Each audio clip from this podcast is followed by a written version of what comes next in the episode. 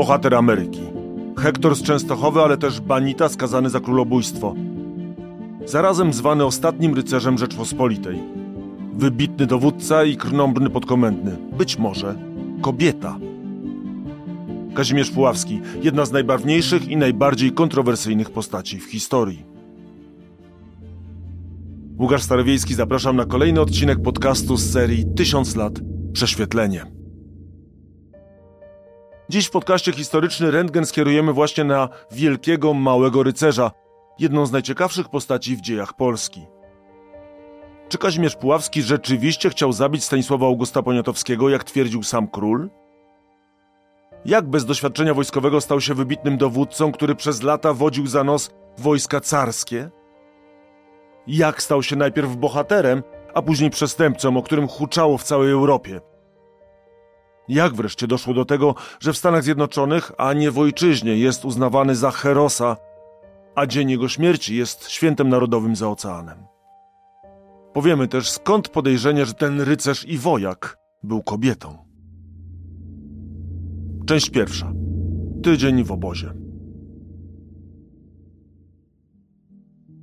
Na dobrą sprawę nie wiadomo nawet kiedy przyszedł na świat. Badacze podają daty od 1745 do 1747 roku. Był to albo 4 albo 6 marca. Prawdopodobnie urodził się w Warszawie, w rodzinnym pałacu, być może jednak w majątku w Warce.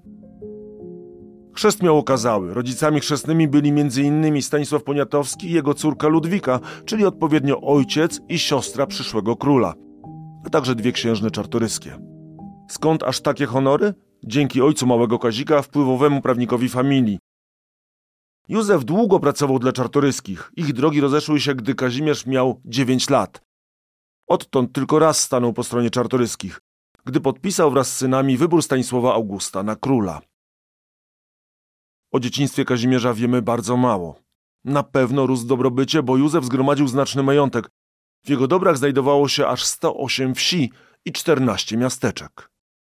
Uczył się najpierw w szkole parafialnej w Warce, a później w przeznaczonej dla zamożnej szlachty nowoczesnej szkole księży Teatynów w Warszawie. Gdy miał lat 15, został paziem na dworze księcia królandzkiego Karola Wettyna. Tam pierwszy raz powąchał prochu, gdy wojska rosyjskie zajmowały Kurlandię, wyrzucając stamtąd Sasa. Tego wąchania nie było zresztą zbyt wiele. Tak przynajmniej rzucił cesarzowi austriackiemu podczas wizytacji obozu wojskowego kilka lat później, gdy był już sławnym wodzem Konfederacji Barskiej. Cesarz na pana Pułaskiego zawołał i pytał się go, czyli w zagranicznych wojskach służył lub jaką kampanią odprawił. Odpowiedział, że tylko z księciem kurlandzkim Karolem tydzień był w obozie. Więc pytał się, skąd tej eksperiencji nabył. Odpowiedział, iż codzienna praktyka oświeca go, a broniąc wiary i wolności, Bóg jest wodzem moim. Do baru jeszcze wrócimy. Tam przecież w istocie zaczyna się wojskowa droga Pułaskiego, która doprowadzi go i do wielkiej chwały, i do banicji w niesławie, a na koniec do heroicznej śmierci. Przystańmy na chwilę, by przyjrzeć się temu nastolatkowi. Mały rycerz. To określenie jak ulał pasuje do Kazimierza. Ma ponoć niespełna 1,60 m wzrostu. Jest... Szczupłej budowy, ale o dobrze wypracowanej muskulaturze. Silnym i żylastym. Mowy pięknej, często od myśli szybszej jak pisał ówczesny pamiętnikarz. Na ramiona spadały mu puklami czarne włosy. Dodajmy jeszcze, tyczący się nieco późniejszego okresu, opis osobowości. Zabawy jego najmilsze były w czasie od nieprzyjaciela wolnym ćwiczyć się w strzelaniu z ręcznej broni, pasować się z kim tęgim, na koniu różnych sztuk dokazywać, a w karty grać po całych nocach. Za to był wielce wstrzemięźliwy, tak od pijaństwa, jak od kobiet. Gdy Sas opuszcza Kurlandię, Kazimierz wraca do Rzeczpospolitej. Ojciec daje mu wioskę, ze Zulińce na Podolu. Ale chyba nawet on nie sądził, by syn mógł usiedzieć na wsi. Tym bardziej, że Józef jest w samym środku wielkiego politycznego kotła, w którym gotują się sprawy Rzeczpospolitej. Dla rodziny Pułaskich właśnie zaczyna się czas, gdy będzie o nich głośno nie tylko w kraju, a zawierucha dziejów najpierw poniesie ich ku szczytom, by później boleśnie strącić w czeluść. Część druga. Bar wzięty. Zaczyna się niewinnie. Głowa rodu wraz z synami podpisuje elekcję Stanisława Antoniego Poniatowskiego na króla. Józef musiał to robić z mocno zaciśniętymi zębami. Od początku wobec nowego władcy, wyniesionego na tron na carskich bagnetach, był w opozycji. Podobnie jak wobec planu reform, w tym zniesienia złotej szlacheckiej wolności z liberum veto. Niechęć była tak duża, że zręczny prawnik dał się ambasadorowi rosyjskiemu zwieść na manowce. Sprzeciwiając się narzuconym siłą przez Rosję i Prusy ustawom o zrównaniu praw politycznych katolików i innowierców, przyłączył się do zawiązanej, tak tak, pod rosyjskimi auspicjami Konfederacji Radomskiej, zrzeszającej katolików i przeciwników króla. Ambasador użył Konfederacji jako narzędzia nacisku na króla. Trzeba przyznać, że śmiałości i odwagi pułaskiemu seniorowi nie brakowało. Gdy przejrzał rosyjskie matactwa, nie bał się skoczyć do oczu wszechwładnemu rosyjskiemu ambasadorowi. Różne są wersje tej utarczki. Gdy Nikołaj Repnin zagroził wprowadzeniem do Rzeczpospolitej 50 tysięcy wojska rosyjskiego, Józef miał mu rzucić w twarz. Niech stanie i 100 tysięcy. Naród wolny krew przeleje. Nasze stare z XIII wieku zawołanie głosi, że należy raczej dom spalić i z bronią w ręku po lasach się poniewierać, niźli samowładnej mocy się poddać. Repnin, wściekły, replikował. Jednym kopnięciem usunę takich przeciwników. Na co Puławski? Strzeż się, książę, aby ostatnia na was nie wybiła godzina. Według innej wersji kłótnia miała zakończyć się kopnięciem Pułaskiego przez Repnina. Trudno wyobrazić sobie jednak, by w tej sytuacji nie polała się krew. Już wówczas Pułaski zresztą spiskuje. W czasie Sejmu mieszkał u biskupa Kajetana Sołtyka, który... Ustawicznie miewał potajemne konferencje z panem Michałem Krasińskim pod Komorzem Poznańskim, z Płaskim starostą wareckim i innymi ich mościami, których na noc zawsze zjeżdżało dosyć do pałacu na Nowe Miasto, a którym zawsze dawał rady, jakim by sposobem mogli bunty podnieść. Donosił szpieg Repnina. Ambasador w środkach nie przebierał. Sołtyka, a także m.in. hetmana Żewódzkiego aresztował i wywiózł w głąb Rosji. Płaski uniknął ich losu i wyjechał na Podole. Nie po to jednak, by się ukrywać. 29 lutego 1768 roku w Barze została zawiązana Konfederacja. Płaski ojciec został jej wojskowym marszałkiem. On też opracowywał jej akty i manifest do narodu. By wyposażyć wojska, sprzedał sporą część swojego majątku. Ponadto rozpoczął akcję dyplomatyczną. Ramię w ramię z ojcem stoją jego synowie Franciszek Ksawery, Antoni i Kazimierz. Wszyscy otrzymują w Konfederacji ważne funkcje.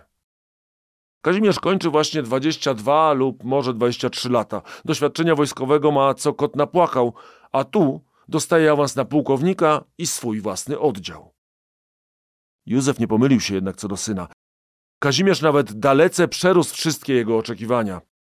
Gorąca krew zakipiała w młodym pułkowniku. Na razie pozostał na południowo-wschodnich rubieżach Rzeczpospolitej. Już na początku kwietnia dowodzona przez niego partia wyparła wojska carskie z oddalonego o 60 km od Baru miasteczka Winnica. Dziesięć dni później po raz pierwszy starł się z Rosjanami w otwartym polu, na południe od Starokonstantynowa. Po bitwie pisał triumfalnie. Trzy godziny z okładem trwał ogień, a każdy dobrze strzelał. Mało dwustu Moskalów widzieliśmy na polu leżących, tylko że żadnego nie zostawili. Była liczba atakujących przeszła dwa tysiące, a nas około 400, bo nie wszyscy broń ręczną mieli. Jeden z gwiazdą kartaczem dostał, to z mojej łaski, bo jakem wyrychtował armatę w jeden pluton, tak kilkunastu wypadłych znaczną lukę uczynili. Relacja pułkownika, przepojona młodzieńczym entuzjazmem, jest zapewne zdecydowanie przesadzona. Przyznawał jednak i rosyjski dowódca, że z tym oddziałem konfederatów walczy się ciężko. Takiej mordęgi, sztrapacy i fatygi, jak teraz nie miewałem nawet podczas wojny pruskiej na Pomorzu, na Śląsku, pod Kołobrzegiem. Teren okropny, wciąż trzeba czuwać na siodle i to forpoczty dziesiątkami giną. Ówże dowódca dodawał, że próbował zdobyć umocniony przez Kazimierza Starokonstantynów, ale po czterogodzinnym ataku odstąpił. Sądził po silnym oporze, że to główna kwatera Barżan, broniona przez siły dwukrotnie większe od jego własnych. Piękna laurka dla dowódcy, przecież żółtodzioba. Płaskiemu i tak w gorącej wodzie kompanemu sukces musiał uderzyć do głowy. Ruszył w pole. i nadział się na zasadzkę. Według rosyjskich raportów został nawet sam powalony na ziemię. Udało mu się jednak zbiec dzięki mostkowi przerzuconemu przez bagienną rzeczkę przez jego żołnierzy. Pod koniec maja wraz z oddziałem Mały Rycerz znalazł się w Berdyczowie. Tam znów pokazał wielki talent wojskowy, ale też poznał gorycz bolesnej porażki. Klasztor karmelitów, który obsadził, był w rzeczywistości całkiem okazałą fortecą.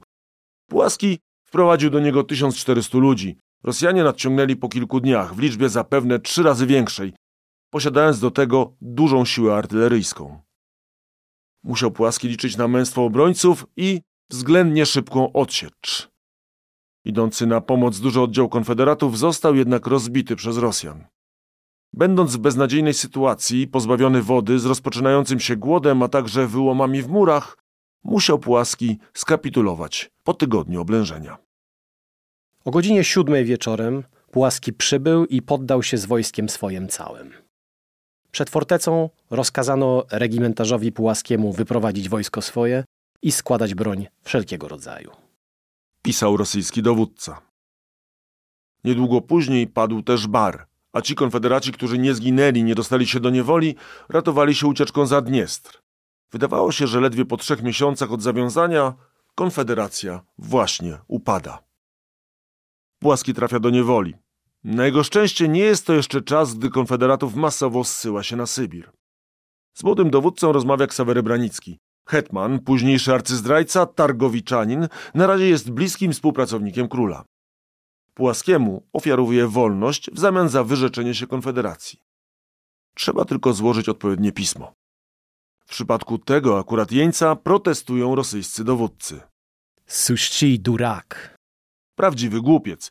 Pisze jeden z generałów o Płaskim do Repnina i dodaje, że nie zasługuje on na wolność, bo płacze, że na murach Berdyczowa nie zginął. Ambasador do tej opinii się przychyla, zakazuje zwolnienia, tyle że się spóźnia. List datowany jest na 17 lipca. Dokładnie tego samego dnia Kazimierz po podpisaniu dokumentu zwanego recesem wychodzi na wolność. Mają nosa rosyjscy dowódcy, bo Płaski umowy dotrzymać ani myśli. Zmierza do obozu ocalałych Barżan w tureckim wówczas Chocimiu. Jedzie ponoć z listem od Rosjan, by namówić konfederatów do zakończenia walk. Zamiast tego unieważnia swój reces. Szlachetne pobudki są jasne, ale daleko mu do zachowania honorowego, co kładzie się cieniem na jego postaci, szczególnie w oczach mu współczesnych. Przez kilka miesięcy Pułaski ogranicza się do zbrojnych wycieczek na tereny polskie i drobnych utarczek. Po jesiennej walce o władzę w Konfederacji między głową rodu Pułaskich a podczaszym Wawrzyńcem Potockim ten pierwszy zostaje zmuszony do opuszczenia obozu w bezpiecznej Turcji. Dni Józefa jako decydującego o sprawach są już policzone. Wyzwany z powrotem, Pułaski senior zostaje aresztowany przez ludzi sułtana pod błahym pozorem. Wolności nie doczeka. Umiera w tureckim więzieniu. Jego synowie ruszają za to w pole, obsadziwszy dwie nadgraniczne twierdze. Stamtąd robili wypady na wroga. Musieli dobrze zaleźć za skórę Rosjanom, bo ci uderzyli dużymi siłami. Pułaski okopów Świętej Trójcy, bo tak nazywała się owa forteca, bronił niemal do końca. Umocnienia opuścił dosłownie w ostatniej chwili. Uciekł pod osłoną nocy tajemną ścieżką wiodącą nad Dniestr. Znów wymknął się Moskalom. Do niewoli dostał się za to młodszy brat, Antoni. Kazimierz Kluczy. Pokazuje się w Bieszczadach, w Beskidach. W maju łączy się z oddziałem starszego brata w Samborze. Franciszek przyprowadza ze sobą 200 Tatarów. W Przemyślu bracia zawiązują konfederację. Kolejne miesiące spędzają na pochodach. Pojawili się i w Łomżyńskiem, gdzie Kazimierz został marszałkiem wojewódzkim, i w Lubelskim, i w okolicach Augustowa. Wszędzie podsycając ogień walk. Z dnia na dzień obaj stają się najważniejszymi dowódcami ruchu. Sława Kazimierza niosła się po całym kraju. To z kolei znów ściąga na Kazimierza uwagę Rosjan. Ścigał go pruski generał w carskiej służbie Johann Drewic i cieszący się ponurą sławą późniejszy kat Pragi Aleksandr Suworow. Tyle, że Pułaski doścignąć się nie dał. Był już wytrawnym partyzantem, uderzał na mniejsze siły, starcia generalnego unikał. Do czasu. Płascy zaskoczeni zostali w okolicach Włodawy. To była dotkliwa klęska, tym dotkliwsza, że w bitwie zginął jego brat Franciszek. Kazimierzowi udało się przedostać z niedobitkami do Austrii.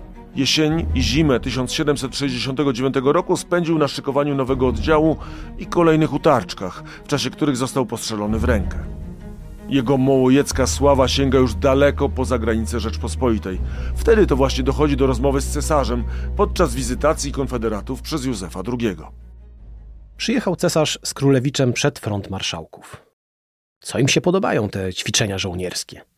Gdzie wszyscy nasi wielkie ukontentowanie pokazali, wtem ruszył na koniu książę Albrecht, postrzegł marszałka Pułaskiego i rzekł do cesarza: Oto Pułaski. Cesarz zwrócił konia ku niemu, mówiąc: Masz, wać pan, dość sławy w zagranicach. Nikt nie mógł pewnie wówczas przypuścić, że to dopiero początek, a nazwisko Pułaski głośno będzie rozbrzmiewać nie tylko po całej Europie, lecz nie będzie to tylko dobra sława. Na razie jednak Pułaski szykował się do wielkiej konfrontacji.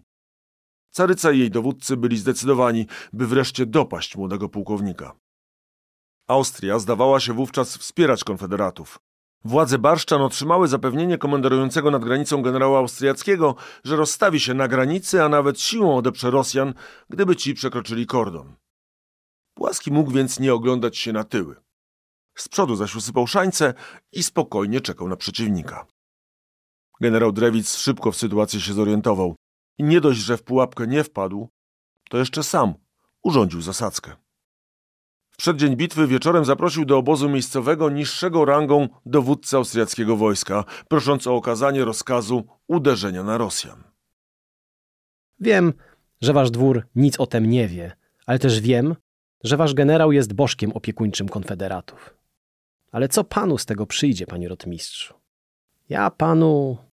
I tu szepnął mu do ucha takie słówko, po którym rotmistrz zmienił ton na słodki i prosił tylko o nieprzekraczanie granicy na zbyt daleką odległość.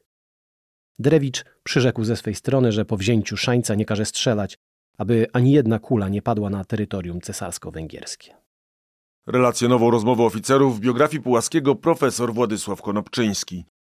Kolejnego dnia rano Austriacy cofnęli się o 3000 kroków, co pozwoliło wojskom rosyjskim na obejście szańców i uderzenie od tyłu. Wycofujących się konfederatów zaatakowali dodatkowo miejscowi chłopi. W bitwie zginąć miało około połowy oddziału Pułaskiego. Pozostali złożyli broń przed Austriakami. Zwycięski dowódca zapragnął spotkać pokonanego, a ponieważ Pułaski odmówił przyjazdu do rosyjskiego obozu, generał pofatygował się do polskiego. Drewic próbował namówić naszego bohatera, by zaniechał buntu i przeszedł na stronę rosyjską. Pułaski dumnie oznajmił, że prędzej umrze. Odpowiedź brzmiała. Ależ, mój panie, pan nigdy nie umrzesz, jeżeli będziesz uciekał na Węgry. Ja też dlatego tylko pana zaatakowałem, aby panu pokazać, że dla was nie ma w Polsce bezpiecznego kąta i bić was będziemy tak długo, aż zrozumiecie swój błąd. Pułaski nie dał się jednak przekonać. Widzę to doskonale, że bez obcej pomocy ani ja, ani my wszyscy nic nie wskuramy. Tej pomocy wkrótce z całą pewnością się spodziewamy. Ja w każdym razie przy swym przedsięwzięciu wytrwam, bo pragnę w ojczyźnie zostawić dobre imię, że naprawdę chciałem bronić naszej wolności. Nie rzucał zresztą słów na wiatr i miał możliwości ku temu, by czynem poprzeć swe deklaracje. To, co niedługo zrobi, przywoła w całej Polsce wzniosłe obrazy z przeszłości i na czas jakiś wleje w serca wielkie nadzieje. Część trzecia. Obrona Częstochowy. Nie jest pewne, jakby sobie radził Pułaski w regularnej armii. Możliwe, że prędzej naraziłby się na sąd wojenny, niż zdobył wielką chwałę. Głównie z powodu podejścia do rozkazów zwierzchników. Francuski generał Dumouriez, który przybył doradzać konfederatom, a w praktyce dowodzić, już w pierwszym raporcie wysłanym do Francji nazwał go Zuchwalcem, który nie może być użyty w planowym działaniu.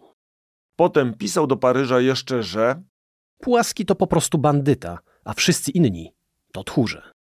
Między francuskim generałem a Pułaskim iskry poleciały niemal od razu. Polski dowódca przyjmował tylko te plany francuskiego sztabowca, które uznawał za sensowne. Wbrew Francuzowi odmówił choćby zajęcia zamków w Czorsztynie i Lanckoronie. Od kilku tygodni Pułaski ze swoim wojskiem tańczył z Drewicem, to nękając jego oddziały, to znów odskakując. W tym czasie kilkukrotnie wyprowadził w pole rosyjskiego dowódcę. Drewic się wścieka.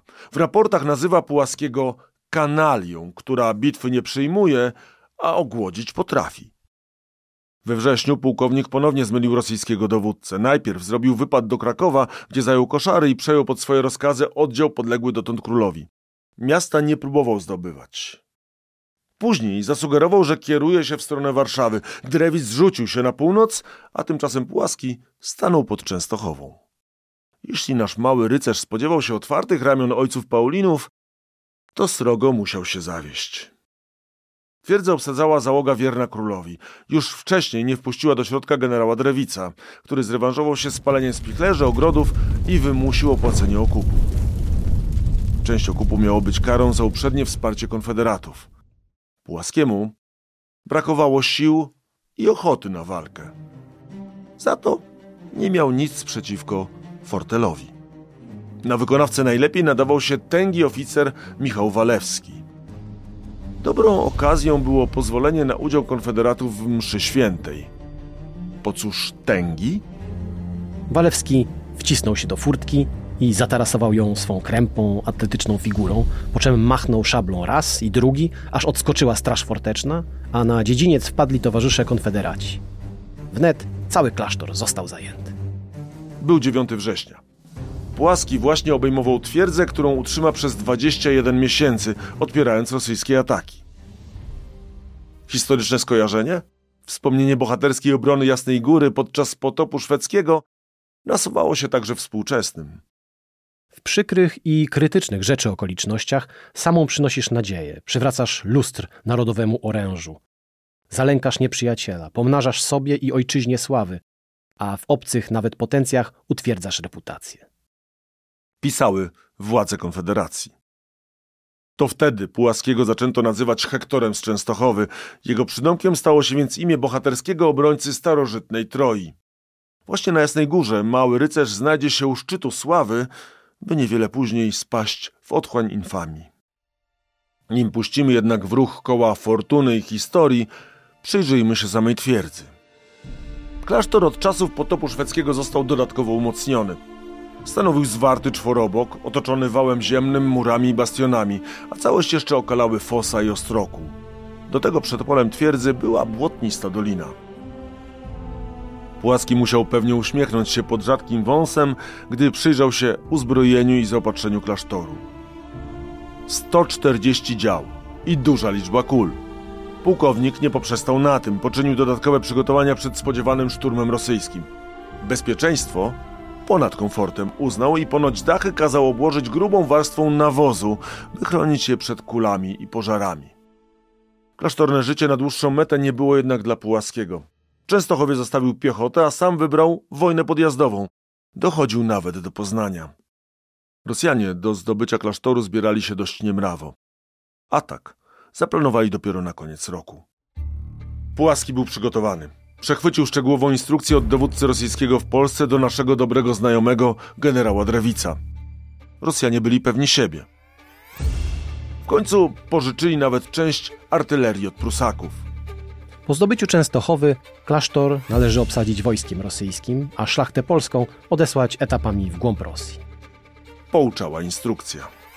Był mroźny, sylwestrowy poranek roku 1770, gdy przednia straż Rosjan pojawiła się pod klasztorem. Płaski nie schował się za murem. Rzucił swoje oddziały do walki, by utrudnić Rosjanom zajmowanie pozycji. Kozacy i karabinierzy rosyjscy jak chwast podcięty padali. Zapisano w dzienniku obrońców. W nowy rok podpalił Płaski nową Częstochowę, osadę leżącą pod twierdzą. Ostrzał rozpoczął się 3 stycznia. Kule o kościół odbijające się, jedne całe odlatywały, drugie to na pół, to na trzy, to na cztery części krusząc się o mur obijały się. Notowali obrońcy, dodając, że żaden spośród nich nie zginął. W tej sytuacji Drewic przystąpił do układów, żądając poddania twierdzy, a w zamian obiecując obrońcom bezpieczny powrót do domu. Tak opisuje Konopczyński odpowiedź Pułaskiego. Na tak zuchwałą propozycję niesmaczną odebrał odpowiedź, że jeżeli chce na swym wojsku być ocalonym i na osobie swojej, niech wszystką broń złożyć każe pod murami fortecy, a zaraz skuteczny pas wolnego przejazdu odbierze za którym do samego zajedzie Petersburga. Puławski na tym nie poprzestał. W nocy wyszedł z wycieczką, kompletnie zaskakując oblegających. Polakom udało się nawet zagwoździć trzy armaty.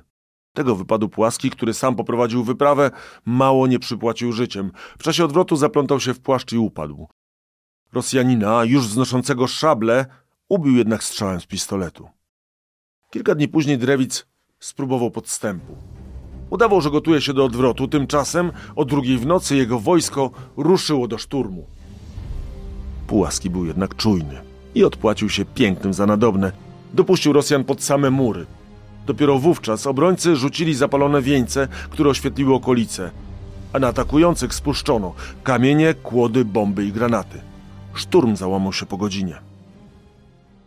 Rosyjscy żołnierze szeptać zaczęli o nadprzyrodzonych mocach wspierających obrońców. Ci ludzie stracili już ducha. Wierzą nawet, że to święty obraz skrócił w ostatniej chwili drabiny.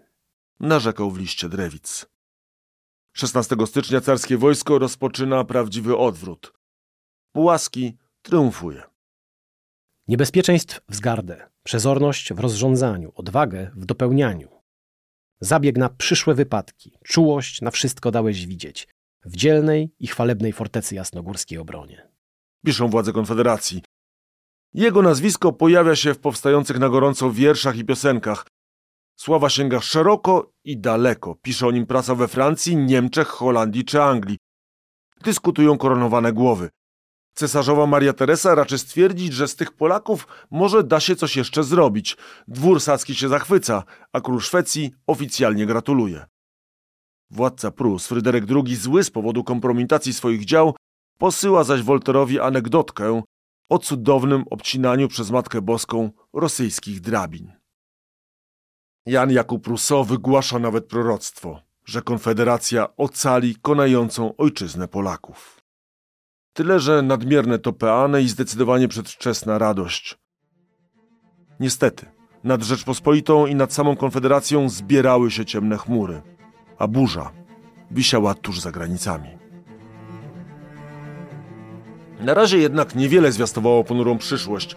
Konfederaci wzmocnieni efektem Jasnej Góry odnieśli kilka spektakularnych sukcesów. Pod Landskoroną pobity został m.in. generał Suworow.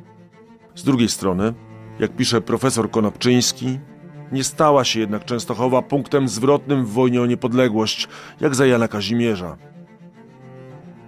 Przynajmniej nie nastąpił żaden zwrot dodatni. Źle się działo za granicami. Turcy przegrywali wojnę z Rosją, we Francji powoli odwracały się propolskie nastroje. Podobnie Austriacy nie byli już tak optymistycznie nastawieni do sprawy Konfederacji. Najgorsze były jednak dwustronne rozmowy Prus i Rosji. To wówczas zaczyna się krystalizować plan dla Rzeczpospolitej katastrofalny. Rozbioru. W czerwcu Pułaski znów zamyka się na Jasnej Górze. Tym razem oblegają go nie tylko Rosjanie z Drewicem na czele, ale też wojska króla – Dowodzi nimi hetman Branicki. Przybyłem nie po to, aby atakować, ale żeby zaproponować zgodę i przyjaźń. Mówi Branicki podczas spotkania z Pułaskim. Nie w tym towarzystwie. Odparowuje dowódca twierdzy. Warto dodać, że dochodzi też do drugiej rozmowy. Branicki rozprawia o szkodliwości wojny domowej i nieszczęściach kraju. Namawia do poddania się. Puławski, uwaga, to ważne dla dalszej części tej historii, nie wyklucza pogodzenia się z królem, ale pod warunkiem, że Stanisław August przyłączy się do starań o wyrzucenie wojsk rosyjskich z kraju. Branicki kończy wściekle. Pożałujesz, waszmość, kiedyś tej sposobności. A w swoim dzienniku notuje, że Pułaski mówił jak młody zarozumialec. Na razie to ten zarozumialec jest górą. Oblężenie znów zostaje zwinięte. Płaski zostaje jednym z trzech dowódców, którzy weszli do Rady Wojennej Konfederacji, a Branicki ponosi klęskę. Pod Widawą rozbija go inny oddział konfederatów. Płaski ma w tym czasie wielkie plany. Marzy o stworzeniu 50-tysięcznej armii, a nawet zdobyciu Warszawy. Wówczas też wdaje się w awanturę, która na zawsze łamie mu w Polsce karierę i niszczy sławę. Mało tego, przyczynia się do upadku Konfederacji. Część czwarta. Porwanie króla. Do dziś ta historia pełna jest domysłów i hipotez.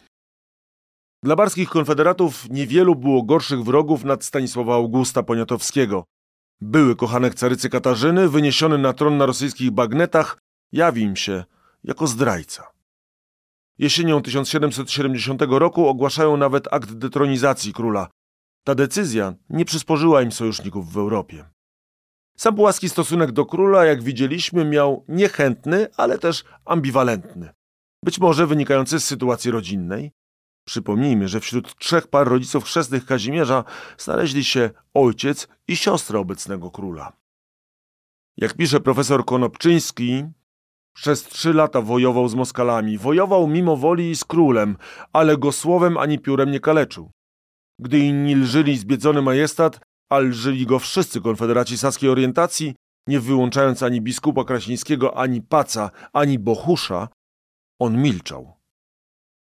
Jak doszło do tego, że to właśnie Pułaski w całej Europie uznany został za niedoszłego królobójcę? Wszystko w tej sprawie jest zagmatwane z jednej, a szyte grubymi nićmi z drugiej strony. Ślady brudnych paluchów wyzierają zewsząd. Problem w tym, że do dziś nie wiadomo, czyje to paluchy. Intryga jednak tak jest zapętlona, że choć przez lata badano je na wszelkie sposoby, nikomu nie udało się jej ostatecznie rozwikłać. Bo w oficjalną wersję nie da się uwierzyć. Spróbujmy więc chociaż przyjrzeć się jej krok po kroku. Już wiosną pojawił się wśród konfederatów plan wtargnięcia do Warszawy, ataku na króla i Ciosu, który by opróżnił tron. donosił w liście duński dyplomata. W lipcu 1771 roku do rezydującego w Częstochowie Pułaskiego przybył niejaki Stanisław Strawiński, rotmistrz powiatu starodubowskiego i jak się przedstawiał, barżanin od samego początku. Postać to z gatunku szemranych, choć i na to trudno do końca znaleźć dowody. Płaski propozycji porwania króla wysłuchał, choć ponoć niechętnie, ale decyzji nie podjął.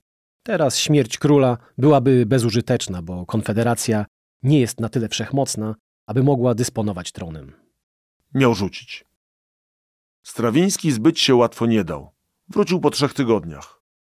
Jak wyglądała druga rozmowa? Płaski relacjonował później. Nie daję waszmość panu żadnych poleceń, ale uprzedzam, że tylko pod tym warunkiem zaaprobuję twój zamysł, nawet po wykonaniu, jeżeli oszczędzisz życie jeńca. Na co usłyszał odpowiedź.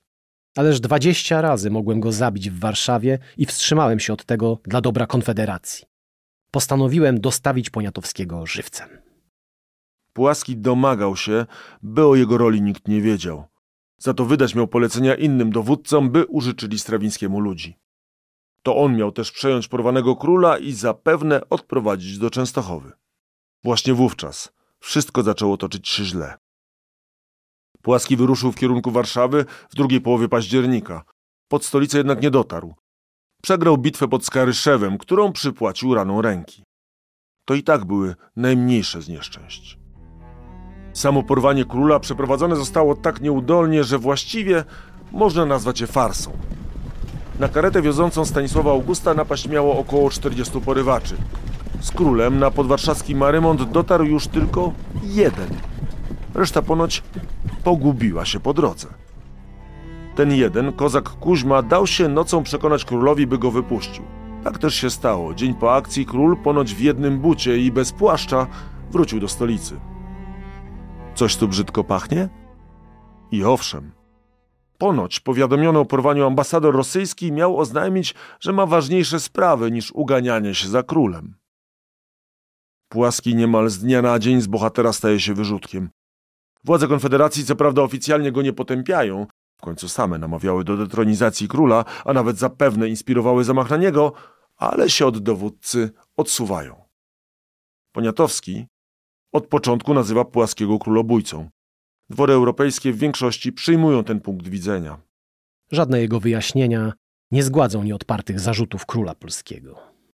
Pisze kanclerz Austrii. W Warszawie trwa śledztwo. Początkowo sypał skruszony Kuźma. Płaskiego wskazał też Strawiński. To kolejna z zagadek tej historii. Inicjator porwania po nieudanej akcji ucieka za granicę.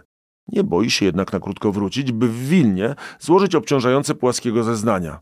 Następnie znów udaje mu się wyjechać z Polski. Zeznania te zaskakująco przypominają wersję wydarzeń przedstawianą przez króla. Zawróćmy jednak na chwilę tok opowieści, by przedstawić, co działo się z małym rycerzem. Po powrocie do Częstochowy przygotowywał się do kolejnej, piątej już barskiej kampanii. Walczył też w obronie swojego imienia. Pisał do austriackiego kanclerza i ministrów rządu Francji. Tylko na francuskim dworze zechciano wysłuchać jego wersji. Otrzymałem od Pułaskiego pismo usprawiedliwiające go całkowicie. Odmalowała się w nim w całości jego dusza, tak pełna dzielności. Sam już ton tego pisma budzi wiarę, iż ten wódz Konfederacji jest niewinny spisku, o który się go oskarża. Czy był w tej sprawie Pułaski sprawcą, czy też kozłem ofiarnym? To pytanie do profesora Piotra Ugniewskiego, historyka z Uniwersytetu Warszawskiego. Plan o niejasnym celu no, musiał jakoś się wykluć w, w łonie generalności Konfederacji. Działacze generalności podsunęli ten pomysł y, Pułaskiemu, y, który praktycznie też dowodził wojskami Konfederacji na Mazowszu i w, Małopolsce, czyli miał narzędzia, żeby przeprowadzić y, taki zamach. I raczej od razu też możemy powiedzieć, że wątpią historycy w to, ja sam też, czy, czy on zakładał, że w, w toku tego porwania król może zostać zabity, bo, bo też nie mamy żadnych świadectw, które by wskazywały na to, że, że Płaski był osobiście jakimś takim nieprzejednanym wrogiem Stanisława Augusta brał udział w planowaniu zamachu. Są na to nawet dokumenty. Kwestia zasadnicza, od której zależała też odpowiedzialność karna za, za to, to jest e, kwalifikacja, czy mówimy o porwaniu, czy o królobójstwie. Przy czym e, sprawa o tyle jest w ogóle e, zagmatwana z punktu widzenia dawnego prawa. Mamy taką ustawę z roku 1588 o zbrodni obrazy majestatu. Za taki e, zamach, tam jest oczywiście bardzo surowa kara śmierci kwalifikowanej, infamii, utraty czci i majątku, więc nawet jeśli plan nie przewidywał zabicia króla, to właściwie e, sam fakt, że króla zmuszono, żeby podążał z, z, z, z zamachowcami, już wyczerpywał znamiona tej ustawy o zbrodni obrazy majestatu i był zagrożony tą najwyższą karą. Król e, bardzo silnie podbijał ten zarzut e, jednak królobójstwa, że on z powodów e, politycznych, propagandowych, no, bez wahania twierdził, że to było królobójstwo. W związku z tym Pułaski był no, w, w poważnych opałach. Jego bardzo szybko jakby wykreowała propaganda królewska właśnie na takie słowo nawet padło w, w oskarżeniu przed sądem sejmowym, że to jest herszt e, tej, tej grupy. Zarówno wokół Płaskiego, jak i całej Konfederacji zaciskały się jednak żelazne szczęki. Na początku roku Konfederaci zdobyli jeszcze co prawda Wawel, ale tylko na trzy miesiące. Na większości innych frontów ponosili porażki. Do tego Austria, Rosja i Prusy ogłosiły pierwszy rozbiór Polski – już nie tylko jedna rosyjska, ale aż trzy wrogie armie wkroczyły na teren Rzeczpospolitej. Lada chwila należało się spodziewać kolejnego oblężenia Jasnej Góry. Tym razem skutecznego. Nie chciał Płaski oddawać swoich ludzi na stracenie, a siebie skazywać na haniebną śmierć. Ludzi powoli zaczął rozpuszczać, a sam zdecydował się uciekać. 31 maja pożegnał się z kilkoma tylko najbliższymi towarzyszami walk i potajemnie opuścił twierdzę. Załodze kazał odczytać list i ostatni rozkaz. Wziąłem oręż do ręki dla dobra publicznego. Dla niegoż złożyć go muszę. Związek trzech państw potężnych odejmuje nam wszelkie środki możliwej obrony, a sprawa, do której wplątany jestem, utrudniałaby mi przeprowadzenie dla was kapitulacji, łącząc was z moim nieszczęściem. Płaski uciekał z kraju, w którym nie było już dla niego miejsca. Problem w tym, że w owym czasie miejsca dla niego nie było nigdzie. Część piąta. Bohater za oceanem. Nie ma zbyt wielu miejsc, gdzie Pułaski mógłby się czuć bezpiecznie i gdzie byłby chciany. Zapewne zatrzymał się najpierw w Dreźnie u króla Saskiego, później przebywał w Prusach, bo Fryderykowi który właśnie połknął sporą część Rzeczpospolitej, wrogowie władcy polskiego nie zawadzają. Na petycję Stanisława Augusta o wydanie zbiega Fryderyk odpowiada, że chętnie to zrobi, jeśli zostanie mu wskazane miejsce przebywania Banity. Następnie Płaski przenosi się do Paryża, choć i tam oficjalnie nie jest mile widziany. Podróżując często pod zmienionym nazwiskiem, próbuje walczyć o swoje dobre imię. Pisze list do brata Antoniego, który po odsiedzeniu carskiego wyroku za udział w Konfederacji Barskiej miał zdobyć sobie wpływy na dworze Katarzyny. Kazimierz prosi brata o wstawiennictwo. List wysyła też do wielkiego marszałka koronnego Stanisława Lubomirskiego. Jeżeli chodzi o Stanisława Poniatowskiego, to czułbym się zaiste najszczęśliwszym ze śmiertelnych, gdybym mógł z nim walczyć, idącym na czele niewolników i nieprzyjaciół, których wezwał do ojczyzny na wytępienie równych obywateli. Gdybym wziął go do niewoli i mógł zmusić do abdykacji stronu zroszonego krwią moich ojców i przyjaciół. Przypisywane mi intencje zamachu na króla są wstrętnym oszczerstwem, pozbawionym wszelkiej podstawy wymysłem, zrodzonym pod ciężarem wyrzutów sumienia. Liście prosi o adwokata. Prośba zostaje odrzucona. Wyrok, bez względu na decyzję sądu, dawno już jest wydany. Choć dekret sądu i tak warto przytoczyć. Skazujemy na karę śmierci przez ścięcie. Ręce przy drogach publicznych i po niejakim czasie spalone. Ciało zaś zaraz po ścięciu rozćwiartowane, spalone i na wiatr rozwiane. W sumie na śmierć skazanych zostało poza Pułaskim jeszcze dwóch domniemanych królobójców, w tym Strawiński. Skruszony Kuźma zostaje banitą, ale z królewską pensją. Wyrok na Pułaskim uchylono 20 lat później. W grobie przewracać musiał się nasz bohater, bo dobre imię przywrócił mu Sejm Grodzieński, który zatwierdził drugi rozbiór Polski. Niespokojny duch naszego bohatera nosi go po całej Europie. Na wiosnę 1774 roku udał się przez Wenecję do Turcji, chcąc walczyć z Rosją. Tam zostaje aresztowany. Dają znać Kadiemu. Ten każe mnie zaaresztować i odprowadzić do więzienia. Wiodą mnie do ciemnej izby pełnej więźniów, zakładają na nogi łańcuchy i pozwalają spać. Na podłodze. Nazajutrz prowadzą mnie do Kadiego, który, zadawszy milion pytań, pozostawia mnie jeszcze na dwa dni w więzieniu, po czym odsyła mnie do obozu, mocno przekonany, że jestem rosyjskim szpiegiem.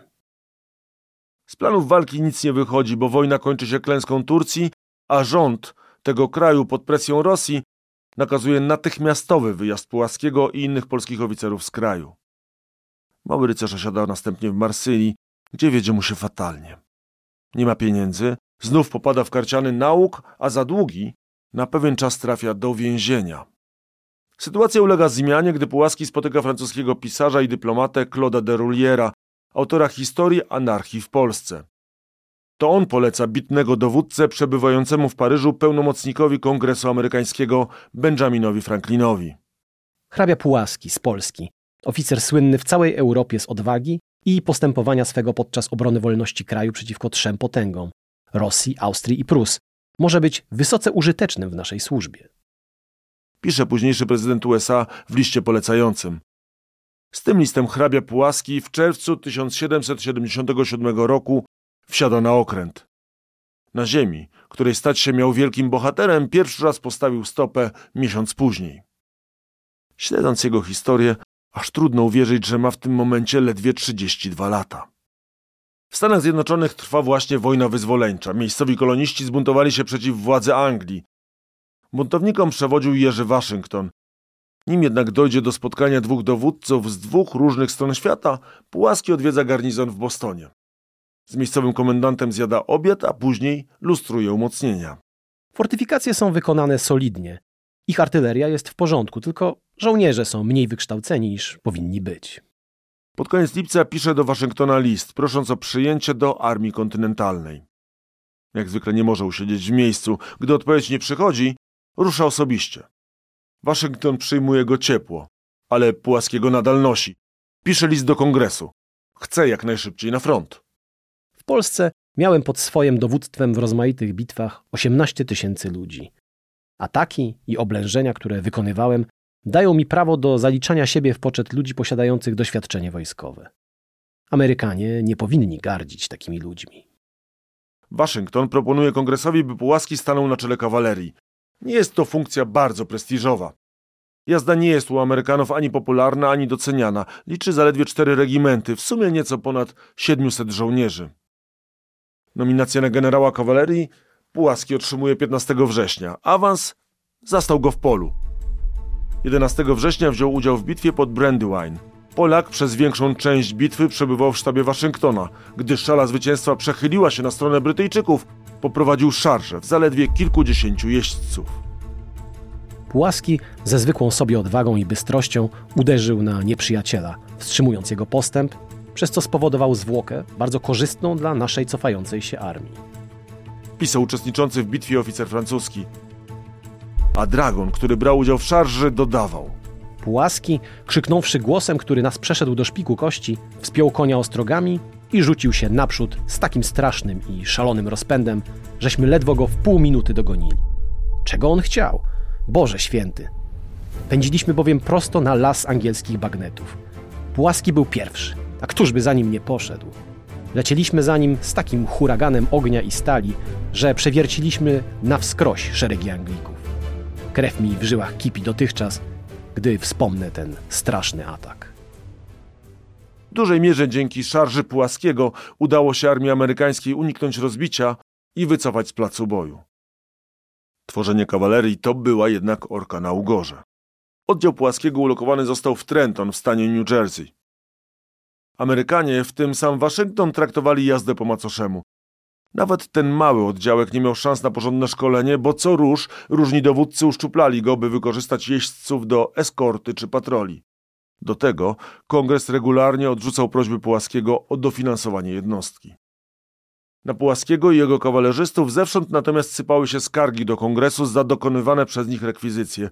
Polski dowódca co prawda ponoć zabierał dobytek tylko zwolennikom Anglików, ale Waszyngton starał się być wobec nich pobłażliwy, uznając ich za przyszłych obywateli wyzwolonego państwa. Raz nawet Pułaski trafił do aresztu.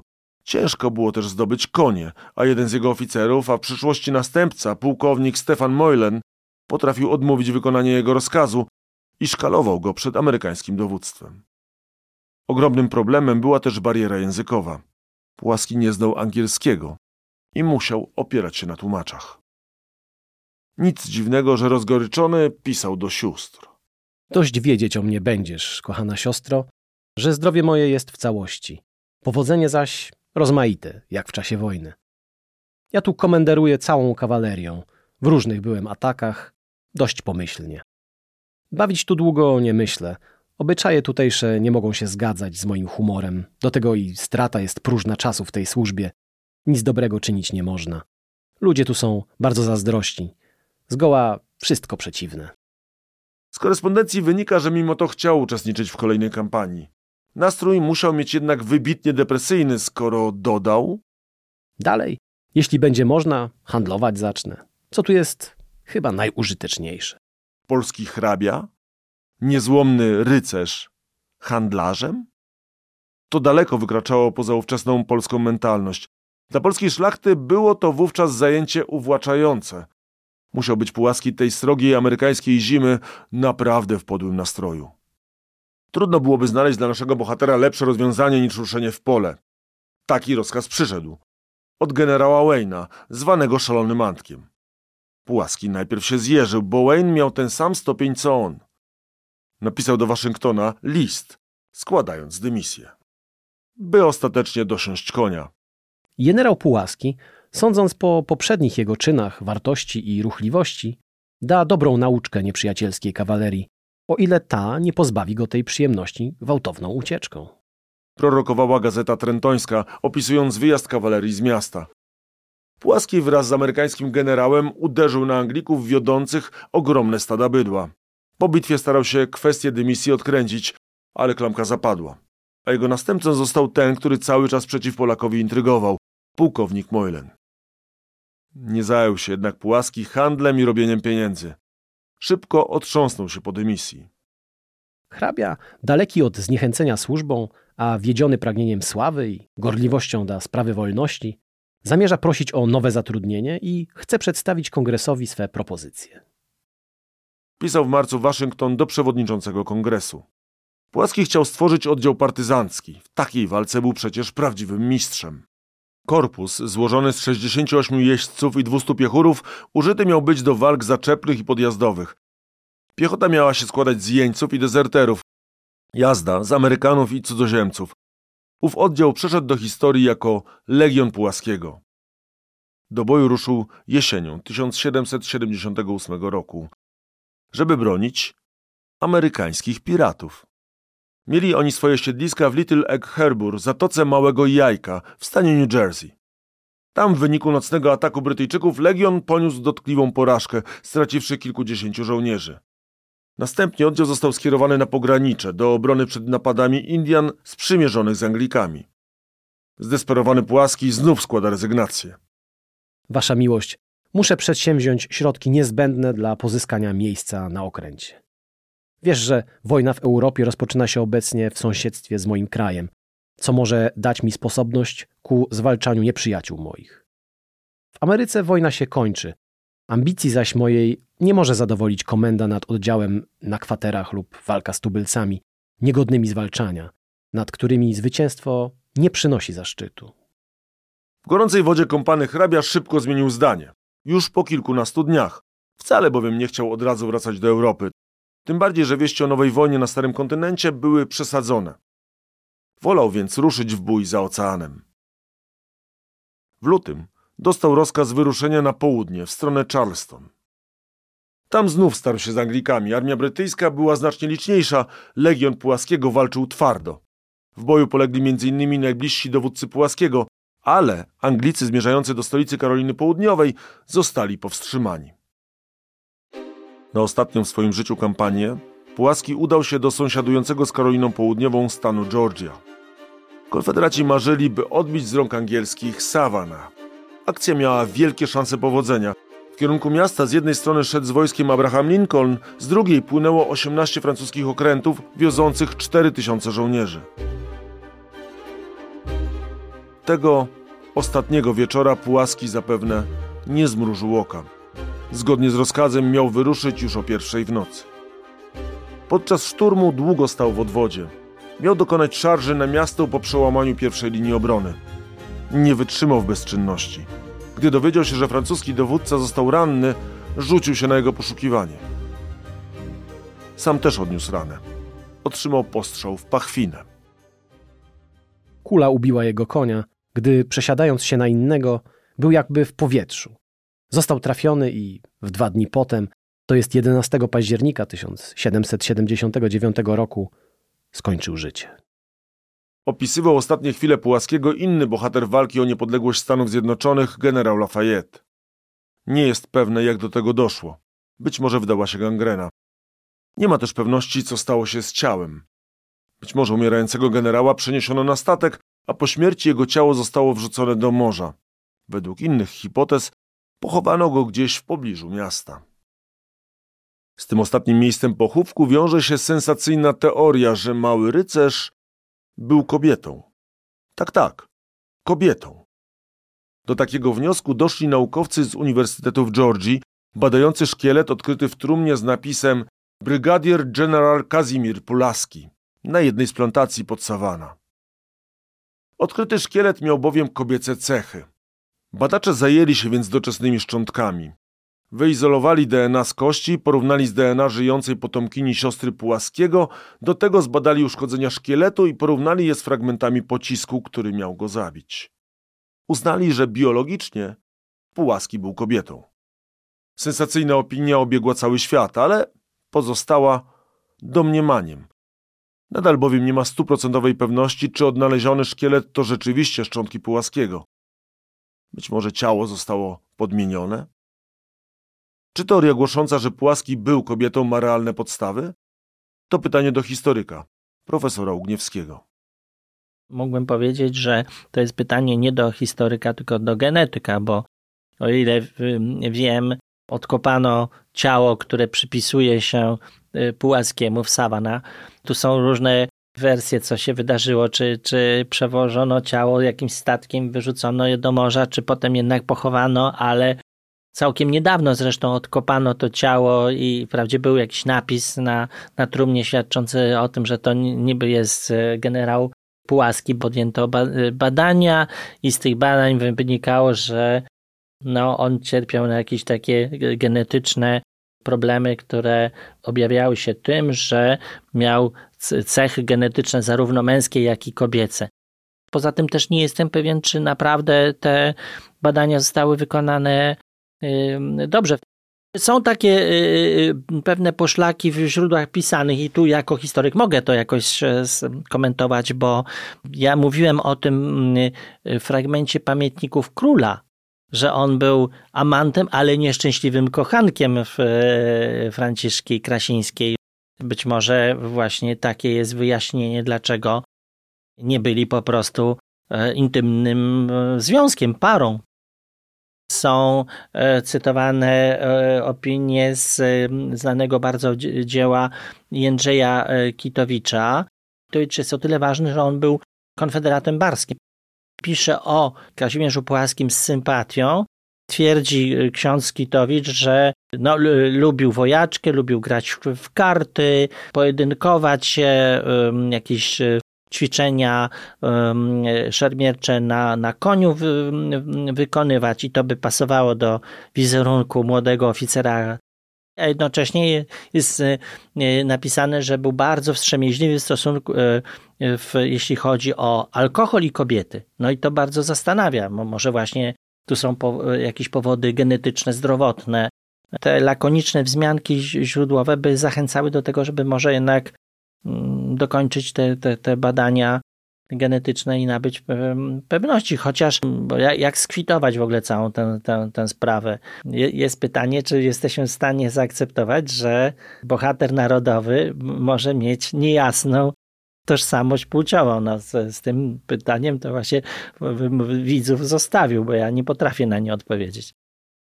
Ledwie 34 lata przeżył Pułaski, lecz to wystarczyło, by stał się jedną z najbarwniejszych postaci w historii Polski i bohaterem Stanów Zjednoczonych. Nazwano go ojcem kawalerii amerykańskiej. Jego nazwisko noszą miasto, wieś, mosty, parki oraz ulice wielu miast w USA. 11 października w rocznicę jego śmierci obchodzony jest Dzień Pamięci generała Pułaskiego, a w pierwszą niedzielę października na Piątej Alei w Nowym Jorku urządzana jest słynna parada. Skąd aż tak wielka sława i chwała? To pytanie do historyka, profesora Ugniewskiego. To było dosyć spektakularne, bo uważany jest za twórcę amerykańskiej kawalerii. Pamiętajmy, że ta armia Waszyngtona to jednak to była taka obywatelska milicja złożona z jakichś farmerów, myśliwych z własną bronią strzelecką. Tymczasem Pułaski, za którym jednak ciągnęła się pewna już e, e, sława takiego zagończyka z Polski, który rzucił e, wyzwanie mocarstwu takiemu jak Rosja i odnosił zwycięstwa. Obronił Częstochowę przed Drewiczem. Ta sława mm, dotarła wtedy do Ameryki. Jemu powierzono formowanie kawalerii, bo na tym on się znał. Amerykanie chyba też im zależało na tym, żeby właściwie od początku podkreślać e, rolę cudzoziemców. To wtedy podbijało e, sens tej wojny e, prowadzonej mm, no nie tylko z opresyjną monarchią brytyjską, ale przede wszystkim w imię pewnych wartości, wartości takich wolnościowych, republikańskich, i kiedy się podkreślało, że to właśnie z powodu tych wartości ściągali z, z, ze świata tacy ludzie jak Lafayette czy Kazimierz Pułaski, no to bardzo jakby nobilitowało sprawę y, amerykańską. Bez wątpienia był Pułaski postacią niezwykłą, a jego życiorys dziś powiedzielibyśmy filmowy. Nic dziwnego, że jego legenda, podobnie zresztą jak legenda Konfederacji Barskiej, rosła też wśród Polaków. Adam Mickiewicz napisał dramat o czasach barskich i pułaskim, choć tego niezachowanego dzieła nie doprowadził do końca. On jeden walczy dalej. Zewsząd tropiony i ścigany, w lecie wojuje na Podolu, pod Kijowem, na stepach ukraińskich. Zimą kryje się w Karpatach, a z wiosną spada na Prusy Królewskie. Odbywa pochody trudne do pojęcia podług dzisiejszych zasad sztuki wojennej. Przebiega czasem po 40-50 mil na dobę. Mówił za to o nim wykłada w Collège de France. Pisali o Pułaskim też Juliusz Słowacki, Seweryn Goszczyński czy Józef Ignacy Kraszewski. Inspirująca historia Konfederacji Barskiej i jej największego żołnierza natchnęła też Henryka Sienkiewicza. Jego bohaterowie Michał Wołodyjowski, mały rycerz, Kmicic, obrońca Jasnej Góry mają sporo cech Pułaskiego. Bo prawdziwa historia autentycznego małego rycerza z powodzeniem mogłaby zostać umieszczona w księdze legend i podań o wielkich herosach. Z powodzeniem, gdyby nie to, że była prawdziwa. Na tym kończy się nasza opowieść o ostatnim rycerzu Rzeczpospolitej. Zapraszam na kolejne podcasty. Do słyszenia, mówi Łukasz Starowiejski. Tysiąc lat. Prześwietlenie. Podcast Muzeum Historii Polski o najważniejszych wydarzeniach w historii Polski. Podcastów Tysiąc lat prześwietlenie wysłuchasz na YouTube, Spotify, Google Podcast, Audiotece, a także na innych platformach podcastowych. Chcesz być na bieżąco? Subskrybuj kanał Muzeum Historii Polski.